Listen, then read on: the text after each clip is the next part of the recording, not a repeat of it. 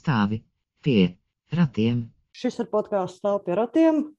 Elza, varbūt tu gribi šoreiz pieteikt podkāstu? nē, tā man liekas, lieliski spēja to izdarīt. Un šī bija īstenībā tēma, ko Lauma izdomāja. Tā kā es domāju, ka Laumai jāsaka Nu, okay. intro. Sarunāts.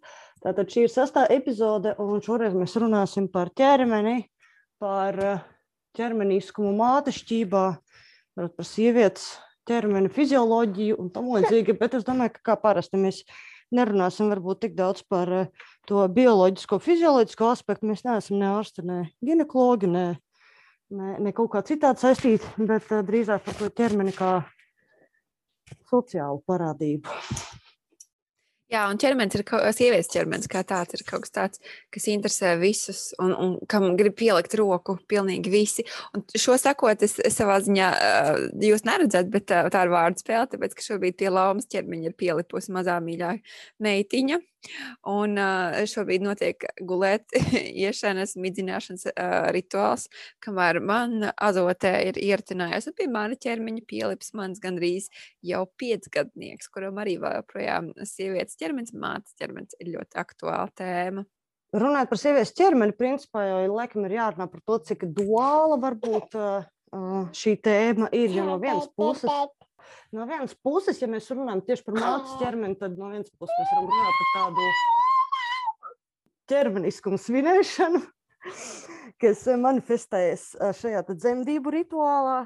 No otras puses, mēs varam runāt par visiem iespējamiem ierobežojumiem un apgrūtinājumiem, ko, ko sievietes ķermenim iespējams nāks pieredzēt, bet pat ne tādā varbūt bioloģiskā nozīmē, kā tiešām tādā sociālā vairāk.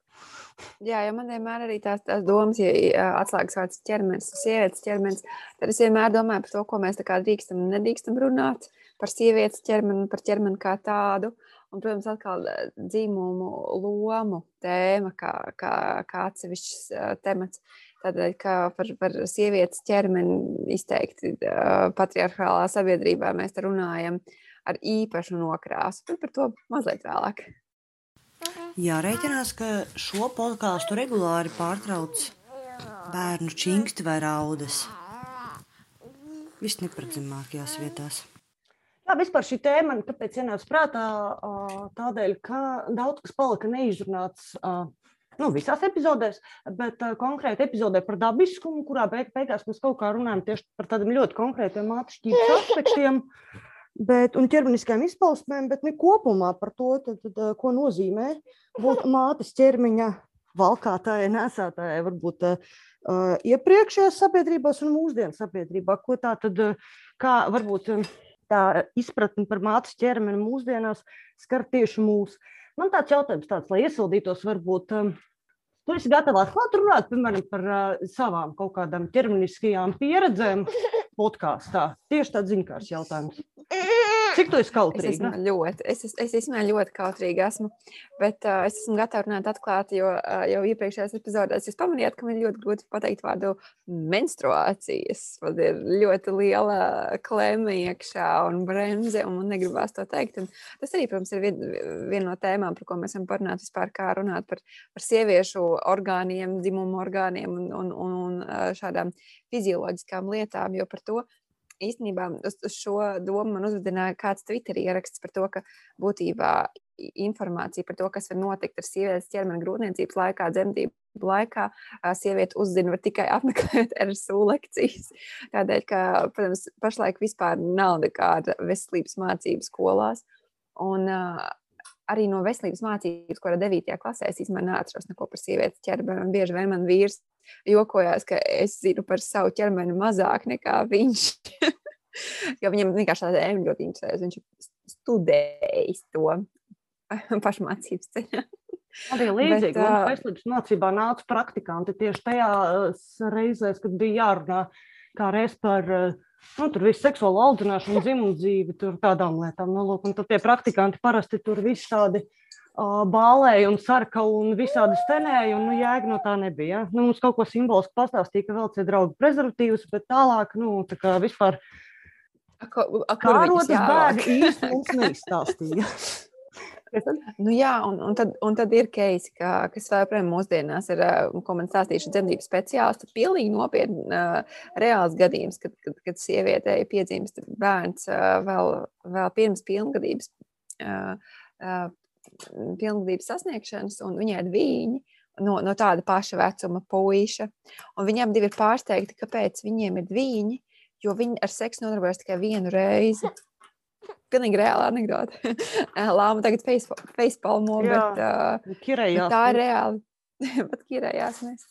Jo, jo tas ir reāli, ka mm, ar to, ka mēs neizglītojam, es, es saprotu, ka varbūt nacionāļiem ir uh, atvainojos slēptais plāns, kādā veidā um, stimulēt uh, dzimstību, neizglītot cilvēks par šo tēmu. Haha, protams, ka joks. Bet uh, tas, ka sievietes izglītība un izglītošanās un, un karjera un, un viss šis spēlē negatīvu lomu dzimtības nodrošināšanā un, un audzēšanā valstiskā līmenī, tas, protams, ir skaidrs. Un piedodiet mātei Latvijai, visi bērni ir mīļi. Nu, tad, principā, mēs arī varam ķerties klāt, vērsim pie ragiem, ieskatīsimies, kā tas ir nācis, kā mēs šobrīd esam tik, šobrīd 21. gadsimtā, kad eh, kosmosa kuģi vago visuma āres, mēs esam dzīvojam tādā kaut kādā tumsonībā par to, kas vispār notiek pašiem mūsu, mūsu ķermeņos, jā. Tā skaitā reproduktīvajā daļā. Nu, es te ieskatījos dažos labos feministu darbiņos, Lūk, un kā tas tā nākas, ir tas, ka mēs dzīvojam tradicionālās vērtībās balstītā kultūrā, bet kurās tradīcijās tad, no acīm redzam, kristietiskajās, jo vismaz pirmotnējās sabiedrībās sievietes ķermenis tiek svinēts.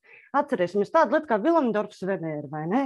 Sieviete, Jā, tā, kas, kas bija mākslas akadēmijas, kāda izkalpuma tiek neiedomājās mhm. uzreiz. Mm -hmm.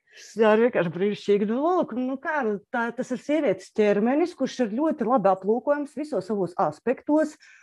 Ne seksualizēts, ne erotizēts, ne kaut kāds estetizēts, bet ar uzsvērtām tieši tā kā, nu, tādām lietām, kas tiem attribūtiem, kas simbolizē mātešķību. Visi tie apaļumi, tas svēdars un, un viss šis te tādās pirmotnējās sabiedrībās, nosaukšanas par pirmotnējām sabiedrībām, vismaz ko es palasīju Jānis Kukainas daļās mātēs, ka tāda azīza hibrīda pētot senos priekšstats par sievietes ķermeni, saka, ka arī šīs pašas menstruācijas ir savulaik bijis nemirstības un pārākums simbols. Respektīvi, sieviete, kamēr, nu, lai gan vīrietis skaitījās tas stiprais, kas nes mājās mamutu, bet sieviete bija tā, kas nodrošina cilvēks izdzīvošanu. Cilvēks to dzīves ciklu, cikliskumu, to, ka mēs atražājam paši sevi. Jo menstruācija laikā arī tas, ka sieviete neasiņo, sieviete asiņo, bet viņa nenomirst, tas liecina tieši par spēku. Sieviete bija kaut kas, ko apbrīnot. Un kurā brīdī tad viss ir kļuvis tik slikti, ka šobrīd sieviete tiek uzskatīta par vājo dzimumu, kas pat pati piedzemdēt īsti nav spējīga. Vai pabarot savu bērnu, viņa taču neko neēdz par, par to, kurā mirklī noiet greizi un sievietes ķermenis no, tā, no tās svinēšanas tiek pār, pārtransformēts uz kaut ko tabu, uz kaut ko ļaunu. Protams, tadā, protams, runa ir par reliģiju un par kristietību, kas kaut kā baidās no sievietes, baidās no sievietes varas, parādās uh, raganas, kuras ir jāiz, uh, jāizķērsta. um, un, un, un tas, tas īstenībā ir diezgan biedējoši, cik ļoti uh, cilvēki ir baidījušies no sievietēm, varenām sievietēm ar zināšanām personām, jo mums tikai vīrietis var būt zinību glabātājs. Un mēs runājam par lielajām monoteistiskajām reliģijām, restīvi tā, kas šobrīd arī ir tās lielākās pasaulē. Jo iespējams, ka šobrīd joprojām ir kaut kāds mazs sabiedrības visādos nostūros, kur valda ļaunais matriarchāts. Jā, tas ir tik drausmīgi. Nu, būtībā vienmēr ir, ir jociņi par to arī mūsdienu popkultūrā, par to, ka īstenībā viss valda sievietes, un, un, un, un vīrietis ir galva, bet sieviete ir kakls, kas groza to galvu. Bet, Bet realitāte ir nu, kaut kā sākot ar to, ka page gap un otro slodzi, un, un to, ka, ka būtībā visas mātešķības rūpes par spīti uh, deklarētajai dzīvuma līdztiesībai tomēr ir uz sievietes pleciem. Tas tomēr rosina jautājumu, vai tiešām, vai tiešām visus nosaka tikai sievietes. Es būtībā arī domājot par, par visu to briesmīgo, to, to tām bailēm no sievietēm, reliģi, lielo reliģiju ietveros. Tas ir tikai tāpēc, jā, ka, tev nav zināšanas, nebija zināšanas tajā laikā par to, kā veidojas bērni. Uh, un, un, un tiešām šis, tajā mirklī, tumšajos viduslaikos, uh, tas, ka sieviete asiņo, bet nenomirst, kā tas vispār ir iespējams. Nu, bet saņēmies tad uh, varētu domāt, kāpēc, teiksim, tad, kad kaut kāds jau ir modernais laikmets, 18. un 19. gadsimts, pat sabiedrība sāk sekularizēties, zinātnē arī tā kā pieņemas, pieņemas spēkā. Nu, tur jau tas joks, vai ne, ka visu šo laiku zinātnisko darbu vai tā kaut kādus tos asmus pirms tam ir uh, veikuši vīrieši. Un šajā brīdī tā tad attiecīgi arī medicīnu, arī zinātni, arī tur visur pie stūres ir vīrietis. Un vīriešu ķermenis tiek uzskatīts kā tāds primārais, un sievietes ķermenis vienkārši kā antitēze, kā kaut kas, kam, kas ir pretējs vīrietim. Nu, Jā, kaut kas un... zemāks vai sliktāks par vīrieti. Jo, jo šajā sakrā es arī atceros Sarmīnas kolāta tvītu par to, ka tajā mirklī, kad tu esi beigusi savu funkciju kā bērna iznēsātāji, par tavu um, labsajūtu un veselību kaut kā ļoti aizmirst gan, gan uh, medicīnas profesionāļi. Nu, protams, ne visi, bet liela daļa, gan arī valsts, jo, jo visas problēmas, kas sievietes ķermenim rodās pēc dzemdībām vai dzemdību laikā, tur sākot ar plīsumiem, diastāzēm, muguras problēmām un vēl kaut ko. Tas kaut kā paliek fonā, jo, jo svarīgākais ir tas, tas jaunais pilsonis un, un tā jauna māte paliek kaut kur nostūrītī bēdīga, cīnoties ar savām, ar savām sačakarētajām problēmām. Jo, jo, jo, piemēram, arī par, par, par diastāzi un kaut ko tādu, nu, piemērs ir dzīves. Uh, to, ka, ka varbūt diastāze, varbūt kaut kāda tur, tur uh, pat trūce no, no tā, ka, ka tev vēr, bērns ir iztaipījis vēdru. To es tikai, tikai tāpēc, ka es pati lasīju un, un, un ļoti uzstājīgi prasīju, kas tas tur ir, kāpēc man sāp, kāpēc es nevaru ievilkt normālu vēdru. Tikai tāpēc es to uzzināju, bet, nu, kaut kā atgriežoties pie tā pie informēšanas pirms visa šī pasākuma mēs, mēs tā kā neesam nonākuši. Jā, es kaut ko līdzīgu saskāros arī ar uh, sajūtu to milzīgo robežu, to brīdi, kad vēl ir tā zelta stunda, tās divas stundas, ko es varu veltīt ar savu bērniņu pēc dzemdībām, un man ir tāds sajūta, ka es varu visu, tās ir svinības, tas ir kaut kāds tāds milzīgs spēks, kas man ir piepildījis. Un tad nāk pēcdzemdību nodeļa, kurā tu pēkšņi esi nekas, tu neko neiedz, kas tu vispār par māti, tas nekas, ka tu varbūt pirmo reizi esi ja, māte, un tu cerēji šeit saņemt atbalstu, bet izrādās, ka kā tu neko nezini. Vai tu kaut ko zini par daudz savos kursiņos saklausījies, vai nu kā tu nezini, tas viss bija jāklausās kursiņos. Jā. Jā, un tad mēs nonākam īstenībā arī pie vienas ļoti svarīga punkta, ka, ka sievietei ne tikai mūsdienās, bet arī pirms tam, um, it īpaši padomu laikos, sievietei ir jābūt pilnīgi visam, kas ir vīrietis, un vēl vairāk. Uh, jo, jo to es redzu, ka uh, padomu laikos uh, dzimst jaunā sieviete, kad, uh, ka sievietē pēkšņi tiek piešķirtas tiesības, un, un, un uh, viņa, var, viņa var vēlēt, un viņa var strādāt, un, un, un nodarbinātība sievietē padomu laikos ir gandrīz 90%. Tas nekas, ka ļoti zem kvalificētos darbos, bet uh, sieviete beidzot ir tāda pati kā vīrietis, kurš iepriekšējos laikos viņai nav bijušas tādas tiesības. Atcerēsimies, ka vēl uh, pirms uh, brīvās Latvijas uh, arī sievietei būtībā ir piekabināta brālim, tēvam, uh, kaut kādam vīriešu cilvēkam, un, un vienīgās cilvē, sievietes, kas ir brīvas, ir prostitūts būtībā.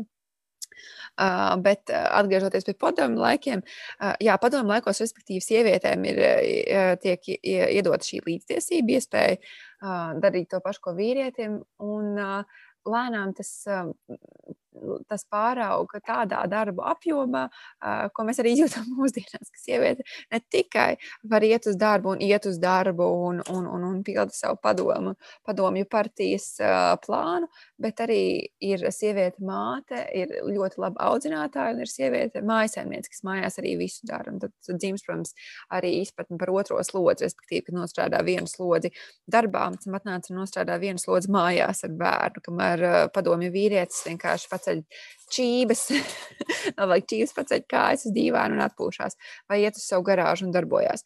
Nu, un tad nāk atmoda, Un atmodā mēs kā, cilvēku uz, uzskatām, nu šis, šis viss ir arī no asociētās profesoras Marta Zitmanas lekcijām. ļoti iesaku apmeklēt. Viņa runā arī par to, ka atmodas laikā būtībā mēs. Uh, ir, šī, šis, šī radās tā greizā izpratne, ka feminisms ir būtībā padomju auglis, lai, lai uzspiestu sievietēm to nepieciešamību strādāt, un feminisms ir kaut kas slikts. Tāpēc, ka mēs atgriežamies pie zelta ulmeņa laikiem, pie, pie pir, pirmās Latvijas, kad sieviete ir šī. Um, lielā ģimenes māte un, un nācijas kultūras glabātāja un, un šis šūpuļa kārēji un tam līdzīgi. Un, un mēs tā kā cenšamies atkal iegrūst sievieti atpakaļ mājas solī. Un tad, jā, tad, tad ši, ši, parādās šis klašs, ka no vienas puses mēs kā sievieti gribam redzēt uh, publiskajā telpā, un viņi taču drīkst arī mūsdienās darīt visu kaut ko noteikti par savu ķermeni. No otras puses, nu, tu, ko tu vispār te runā? Kurš padomju laikos uh, par, par sievietes ķermeni uh, lēma partija un, un, un, un ba, baltos uzsvārčos uh, tāptie uh, ģimenes ārsti un, un, un, un medicīnas profesionāļi dzemdību iestādēs, kurš tancēja bērnus laukā. Un mūsdienās īstenībā tik tālu arī neesam tikuši. Nu, bišķīt tālāk esam tikuši. Nu, respektīvi, mēs esam atbraukuši līdz mūsdienām, kur mēs tagad esam, esam demokrātiskā Latvijā. Un, jā, un, un sievietes ķermenis joprojām savā ziņā ir tabū. Mums ir bijuši pikets pie sājums par, par to, ka lien kāds iekšā mūsu ošūnās, vai, vai tieši otrādi neļauj līst ošūnās. Un mums ir ik bijuši, bijušas runas par to, ka ārprāts uh, uh, arī abortu tēma ir ļoti, ļoti sāpīga. Un, un, un lūk, varbūt mums vajag tā kā polijā. Ir, ir bijuši runas par to, ka mēs esam pārāk liberāli. Un ak, Dievs, mums taču vajag tos jaunos pilsoņus. Un kāpēc? Nu, ir bijušas arī runas par to, ka epidurālā anestezija bez maksas nav izrādās pašsaprotams sievietes tiesības, jo viņas nejāc dzemdēt. Nu, kā, Mums gribas to izdarīt nesāpīgi. Mēs negribam izbaudīt visu, ko nozīmē laist pasaulē jaunu šīs zemes pilsoni. Un kad būs otrais?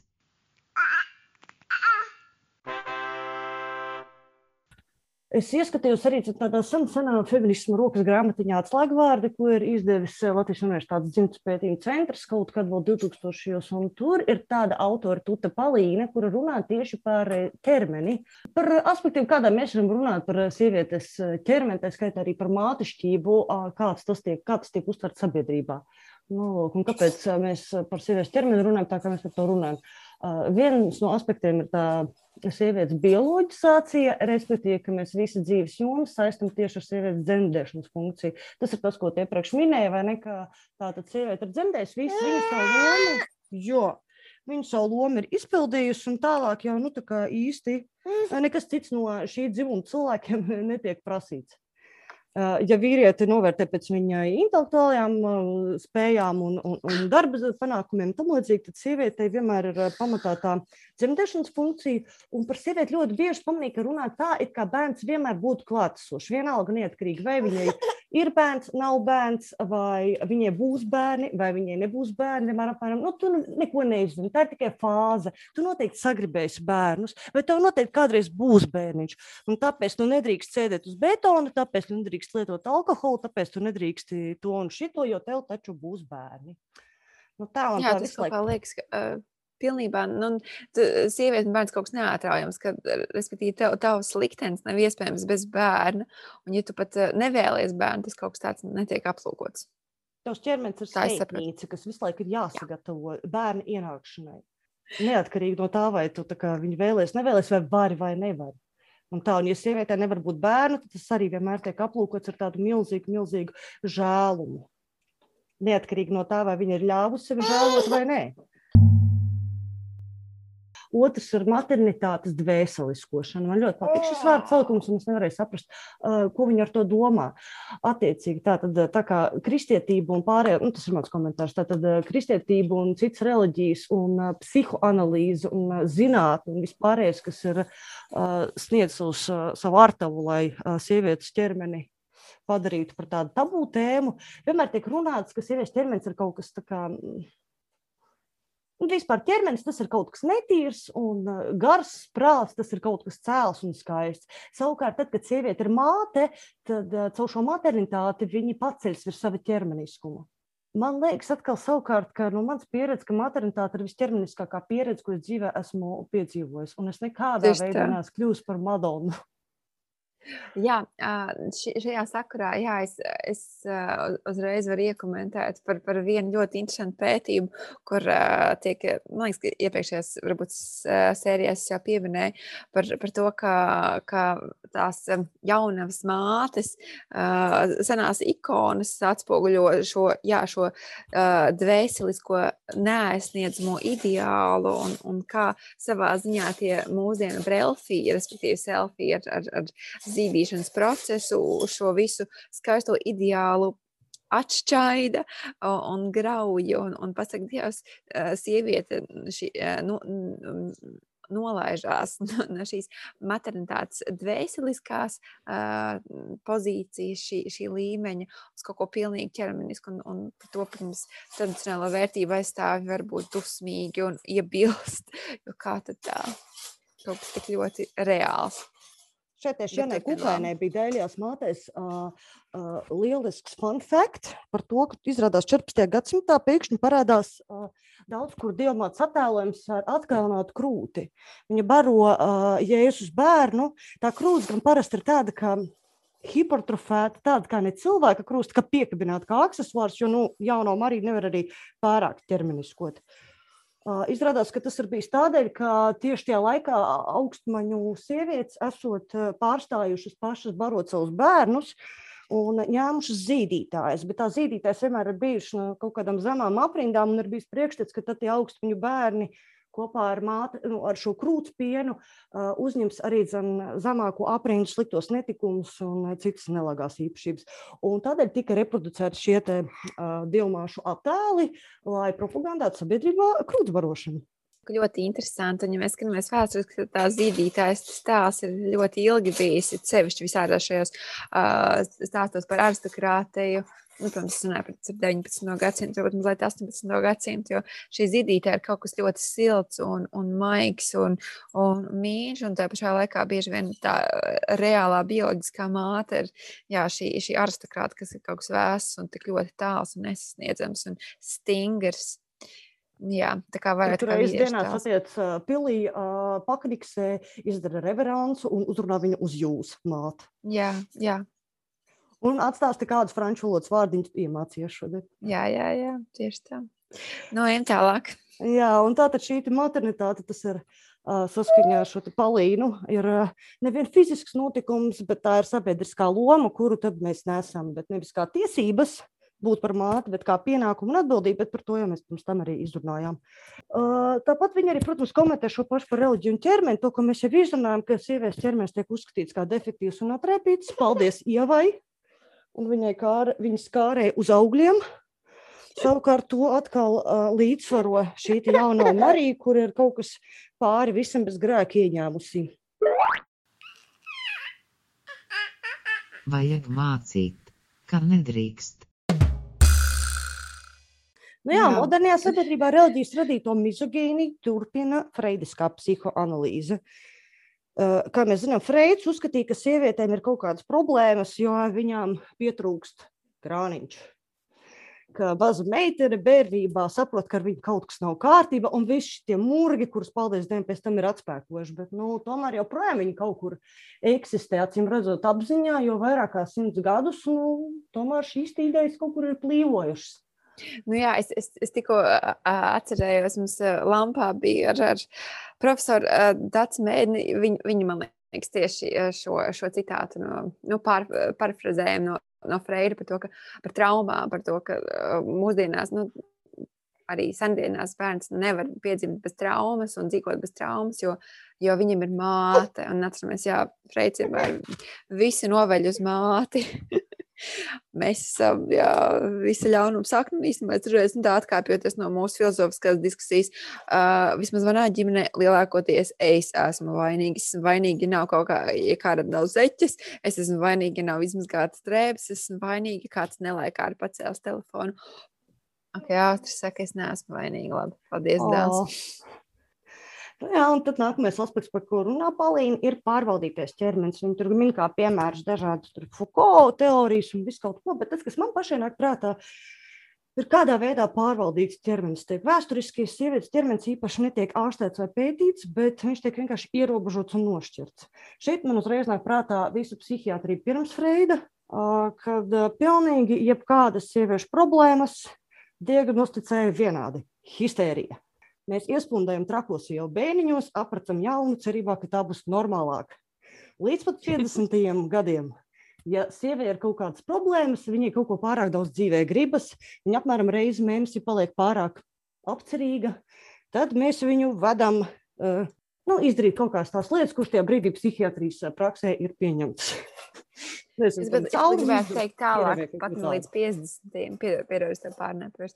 Es gribētu pat teikt, ne, ne līdz 50. bet būtībā līdz pat 70. līdz, līdz feminismu otriem vilnim, jo jā, 50. gados, kā mēs atceramies, dzimst, koncepts par uh, nelaimīgajām mājasēmniecēm, jo Amerikā pēc otrā pasaules kara ir uh, ekonomiskā augšupēja, un, un viņi visi var atļauties, nu, labi, visi ne, atļauties mājas suburbijā, un, un šīs inteliģentās sievietes, kas ir ieguvušas izglītību, ir iespundētas mājās ar bērniem, viņām nav ko darīt, un, un tad parādās šī problēma bez vārda, par ko runāja arī Betija Frīdena. Par, par to, ka, ko iesākt ar viņām, kāpēc viņas ir nelaimīgas. Viņām ir skaista māja, un, un tad viņas pēkšņi kļūst depresīvas, kļūst bēdīgas. Un, nu, kāda tā? tā kā jā, mierīgi varam runāt par, par to, ka sievietes, sievietēm uz visām problēmām ir atbilde tikai viena līdz pat pagājušā gadsimta 70. gadiem, kad pēkšņi mēs uh, sākam redzēt šo problēmu daudz šķautnainību. Ah. Jā, un tas, ka daudzās kultūrās arī zin, sievietes menstruācija laikā tiek nošķirts no pārējiem, bet citur tas tiek darīts tā kā saudzīgi, tieši lai šo sievieti audzētu, tas ir tāds iniciācijas process. Un tad ir atkal kaut kāds reliģijas, kur vienkārši sieviete šajā laikā skaitās nešķīsta, un viņi var aptraipīt tā kā visu apkārt esošo, bet tepat laikā, jo kā, tas taču liecina tieši par to, ka sieviete ir spējīga radīt jaunu dzīvību, un tad rodas šis tiešām tāds absolūti Jā, tā, tā laikam bija Indija vai Pakistāna, kur tās tajās nomaļākajās pilsētiņās, ciematiņos ir tās menstruācija būdiņas, kur tām nabaga sievietēm ir jāiet un jāpārvar šis laiks. Un, un, un tāpēc arī runa par to, ka, nu, ja mēs tā padomājam, arī mūsu kapitāliskajā sabiedrībā, cik ļoti dārgi izmaksā visas šīs uh, sieviešu lietiņas, paketes un tamponi un piltuves un vēl vis kaut kas, un cik tomēr dabai arī nedraudzīgs. Nu, beidzot, mēs par to runājam, nu beidzot. Jo um, es saprotu, ka Skotijā laikam tagad, mm -hmm. studentiem ir bez maksas um, šīs um, higiēnas preces. Uh, Bet nu, Latvijā, lai kaut kas tāds vai samazinātu PVN. Latvijā šiem... šie komentāri zem rakstiem par uh, Skotiju ir uzreiz, protams, saka, Dievs, saka, Dievs, un varbūt tad vīriešiem arī vajag, nezinu, tur kaut ko, un uzreiz tāda name droppings kaut ko, vienalga ko, bet par brīvu. Nu tā, it kā jā, tas tas whataboutisms, jā, jā. Kaitinoši. Mēs neizvēlējāmies menstruēt katru mēnesi. Izbaudi, kamēr var.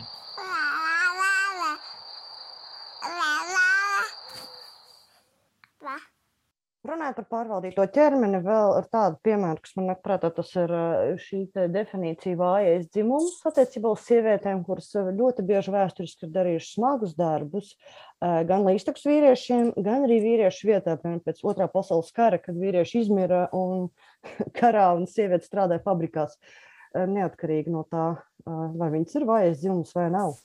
Tas ir vēl viens veids, manuprāt, kā var uzskatīt, ka sievietes ķermenis atkal tiek sabiedriski kaut kā definēts, ne tā kā varbūt viņa pati to gribētu. Ko tu saki? Jā, es, es tā pilnībā piekrītu, jo tas arī saslēdzas ar to, ko es teicu par padomu laikiem, par to, ka sievietes traktoristas un uh, sievietes skolotājs, un labi, skolotājs varbūt mazāk fizisks uh, darbs, bet, nu, ja mēs padomājam un atceramies visus tos padomu laiku plakātus, kurās sievietes ir būtībā tāds kā vīrietis ar gariem matiem, uh, viņas jau arī vizuāli tiek veidotas kā, kā vīrietis, viņas ir tikpat spēcīgas, tikai viņas spēja radīt bērnus.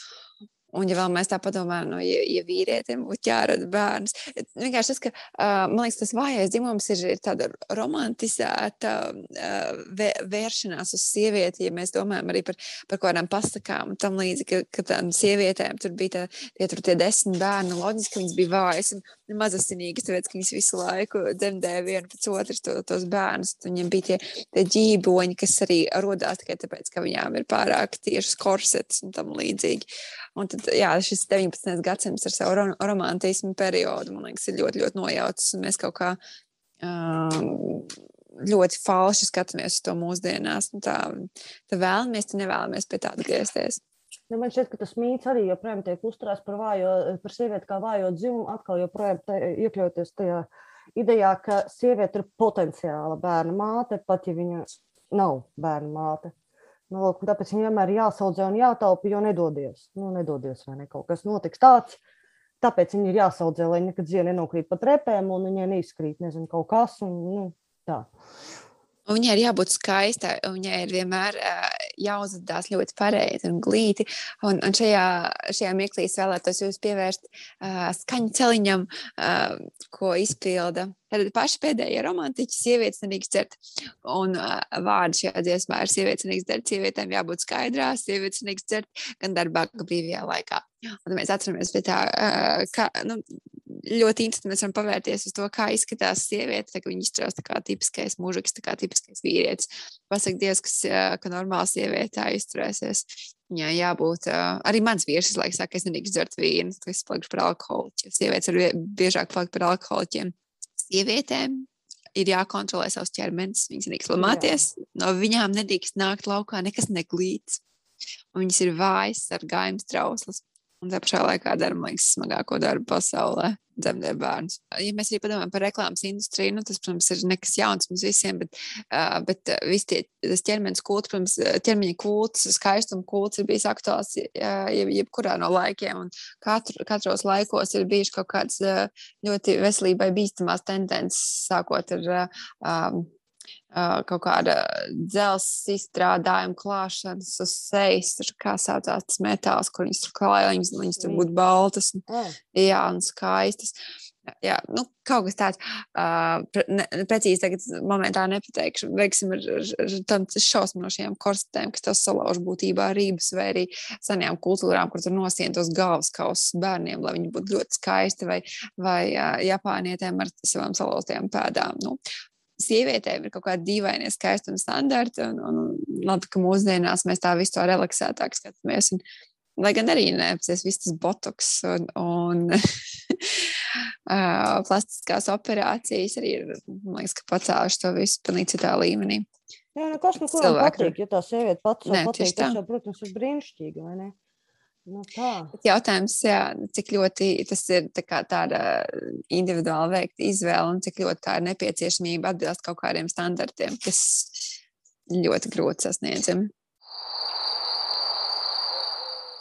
Nu, lūk, un atgriežoties pie tā pārvaldītā ķermeņa tēmas, tad noslēgumā, protams, ir tas, par ko mēs vairāk kārt esam runājuši, ir grūtniecības un dzemdību medikalizācija. Attiecīgi, jau, kad mēs paskatāmies, kāda ir valoda, kā tiek lietot dzemdniecības iestādēs, tas viss vienmēr ir tā, ka grūtniecība būtu kaut kāds nepareizs stāvoklis, ķermeņa kaut kāda novirza no normas, un, būtu, un dzemdības būtu kaut kāda slimība, kas jārastē. Piedod, es tev jāpārtrauc. Vienkārši, ja mēs paskatāmies no vīrieša un patriarchāta pozīcijām, protams, vīrietis nevar būt stāvoklī. Vīrietis nevar dzemdēt pēc ka loģiski, loģiski tas ir kaut kas ārkārtas katastrofāls, kas ir jārastē vīrietim. Piedod, es tev pārtraucu. Nu, turienes, jo tas arī nāk tieši kā reiz no 19. gadsimta, kad dzemdēcība vienkārši pārņēma vīriešu ārsti. Uh, brīnišķīgie Milijas Hildas grāmatā dzemdē kā feministe, Give Birth Like Feminist. Tieši par to tiek runāts, ka no šī laikmeta nāk tāds Rīgas kā dzemdību šķēres, klasiskā poza dzemdēt uz galda, uz muguras, jo tā ir ērta, sieviete ir pasīvā pozā un no viņas to bērnu var principā izraut. Jo pirms tam ir kā, nu, sievietes, sievietes ir dzemdējušas pirtiņā kopā ar vecmāti, vai tas ir bijis veiksmīgi, neveiksmīgi. Tas ir cits stāsts. Ļoti bieži, protams, varbūt šī vecmā, vecmāte nav varējusi varbūt risināt kaut kādas problēmas, kuras mūsdienās ļoti labi risina medicīna, bet tāpat laikā, nu, arī mūsdienās daudz sievietes izvēlas mājdzemdības vai dzemdēt iestādēs, kurās viņam tiek nodrošināts maksimāli mājām pietuvināta atmosfēra, ja vien, tu, protams, to var atļauties. Jo patiesībā sieviete var izdarīt ļoti daudz. Ja tā ir pilnīgi normāla, viegla grūtniecība, bez kaut kādiem sarežģījumiem, tad to var visu paveikt bez tā visa uh, balto halātu teātra apkārt. Nu jā, un tā pašā laikā uh, tas viss ļoti ātri pavērsties tādos tādos uh, pagriezienos, tādās, tādos ūdeņos, kur tu ārā dzīves nevar tikt. Un, ja mēs atceramies pēdējo stāstu, kas arī tagad ceļo riņķī par četru bērnu mammu, kas um, aizgāja mājdzemdībās, kā pilnīgi normāla grūtniecība, viss kārtībā. Kā, jā, tas tomēr ir tāds ļoti bīstams notikums, kam ir jāiet cauri nevēlas ilgu, ilgus gadus sievietes rakstīt testamentus un atvadījās no visiem saviem mīļiem pirms uh, sākās dzemdības. Bet um, tā pašā laikā nu, jā, ir jārod tas līdzsvars starp to, to, ko tev pasaka kaut kādas mašīnas un, un balti uzsvārči, un, un to, ko tu pati jūti. Un, uh, visa patriarchāta lielākā problēma ir tāda, ka sieviete nevar noteikt, noteikt sevi un noteikt kā, pieņemt lēmumus par savu ķermeni. Viņas, viņas zināšanas par savu ķermeni vienmēr ir kaut kādā sekundārā vai pat pēdējā pozīcijā. Ko tad tu zini? Es redzu labāk, es zinu labāk. Jā, tu šobrīd dzemdē, tu neesi adekvāta, tu esi histērijā, tu nespēji atbildēt par saviem vārdiem. Bet es esmu tas cilvēks, kurš šobrīd jūt to, ko es jūtu savā ķermenī, un to neviena mašīna, neviens cilvēks no malas nevar pateikt. Tu nevari ielīst iekšā, tieši tā. Un tā ir tā lieta, par ko, liekas, ko mēs lēnām virzamies. Nu, tas, tas līdzsvars un tā ieklausīšanās un cieņa. Un, un, laikam, jā, cieņa. Jo, jo, ja tik ilgus gadus, gadus simtus, pat vairāk, sieviete ir bijis kaut kas zemāks, un sievietes pašas, man liekas, ka ļoti daudz redz, iestājās pret tiesībām, pret uh, emancipāciju tikai tāpēc, ka viņas dzīvo šajā vīrišķajā vidē, kur, nu, Nu, kā ja tev visu laiku pilina to, ka tu esi kaut kas zemāks, nu, ne gluži zemāks, bet nu, ir, ir sabiedrība, kultūra. Jā, nu, tur, tur, nu, tu neesi, tu nenosaki. Jā, tev ir tieši tā vieta, stāvi, stāvi pie ratiem. Stāvi pie ratiem. Tad, Tad tas tā kā iet. It sevišķi tas jau parādās tomēr audzināšanā. Tu noskati to modeli no savas, savas ģimenes vai no, no, no sava uh, role modela. Nu, es patīnu sava viedokļa līdera. Varbūt tie nav vecāki, varbūt uh, nu, vienalga.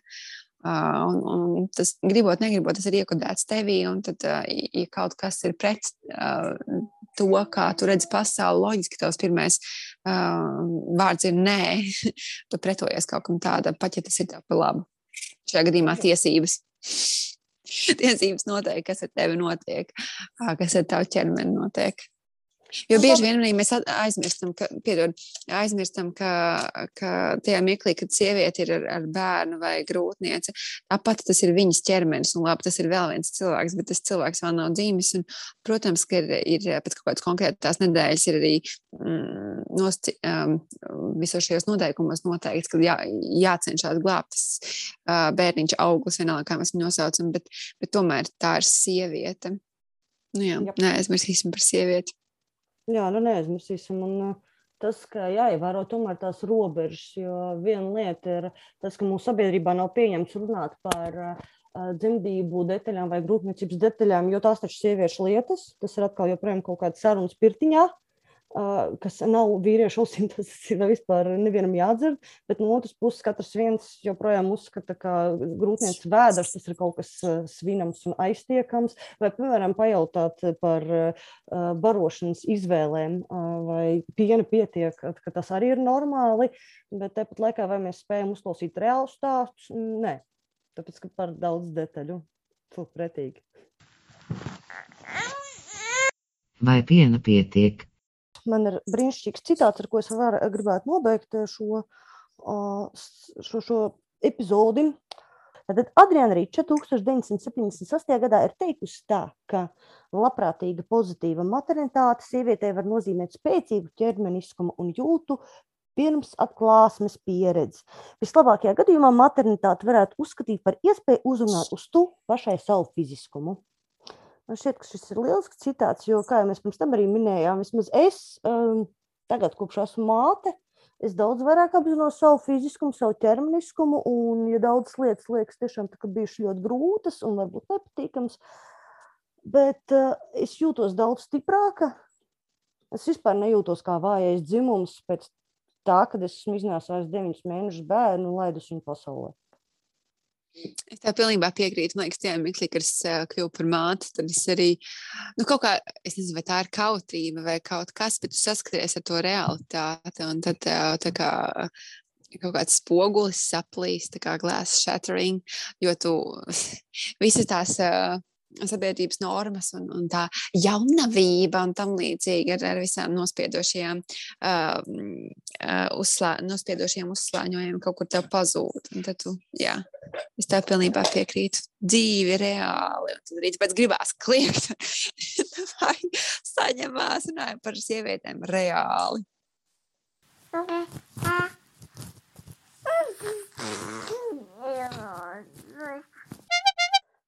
Paldies! Ar jums kopā bija podkāsts Stāv pie ratiem. Šī bija jau sastā epizode. Es gribēju, gribēju pieminēt, ka tā ir priekšpēdējā epizode šai sezonai. Un mēs arī plānojam uh, beidzot uzklausīt jūsu viedokli par nākamo sezonu, to, ko jūs gribētu dzirdēt. Ja jūs vispār gribētu mūs dzirdēt, un ja būs nākamā epizode, sezona. Tā kā paldies par klausīšanos. Uz tikšanos nākamreiz!